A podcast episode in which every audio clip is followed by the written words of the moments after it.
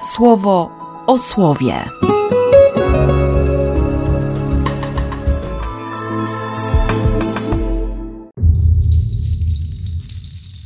8 września, czwartek. Narodzenie Niepokalanej.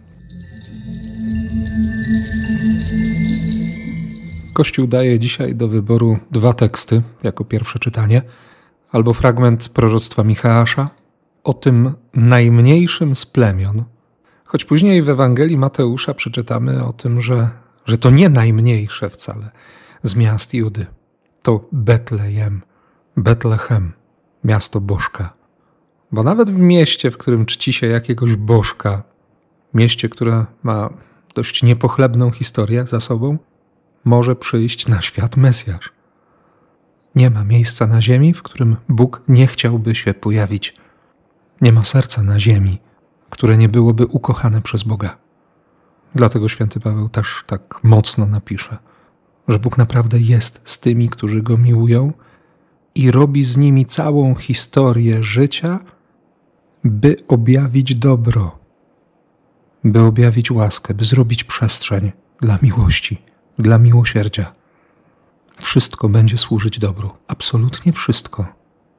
On jest Panem rzeczy niemożliwych. Dlatego ta historia mężczyzn i kobiet, które pojawiają się w linii genealogicznej Jezusa, prowadzi ostatecznie do, do tego, który jest zbawieniem, do tego, który uratuje. Uratuje ich wszystkich, uratuje nas wszystkich.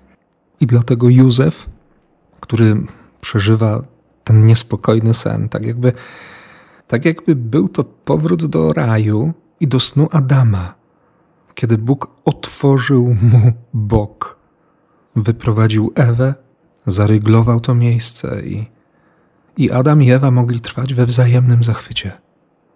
Józef też przeżywa noc, ciemność, a może to znak przymierza Abrahama. Niepewność, ból i przypomnienie, że takie momenty są również miejscem objawienia bliskości, że ciemność nie jest nieobecnością Boga, że chaos nie ma władzy nad Stwórcą harmonii.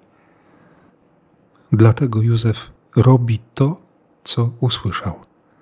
Przyjął słowo, uwierzył słowu, poszedł za słowem. Dokładnie tak jak jego żona.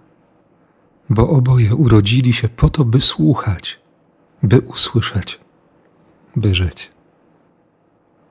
I tego również Tobie życzę. I o to dzisiaj dla Ciebie proszę. I błogosławię w imię Ojca i Syna i Ducha Świętego. Amen.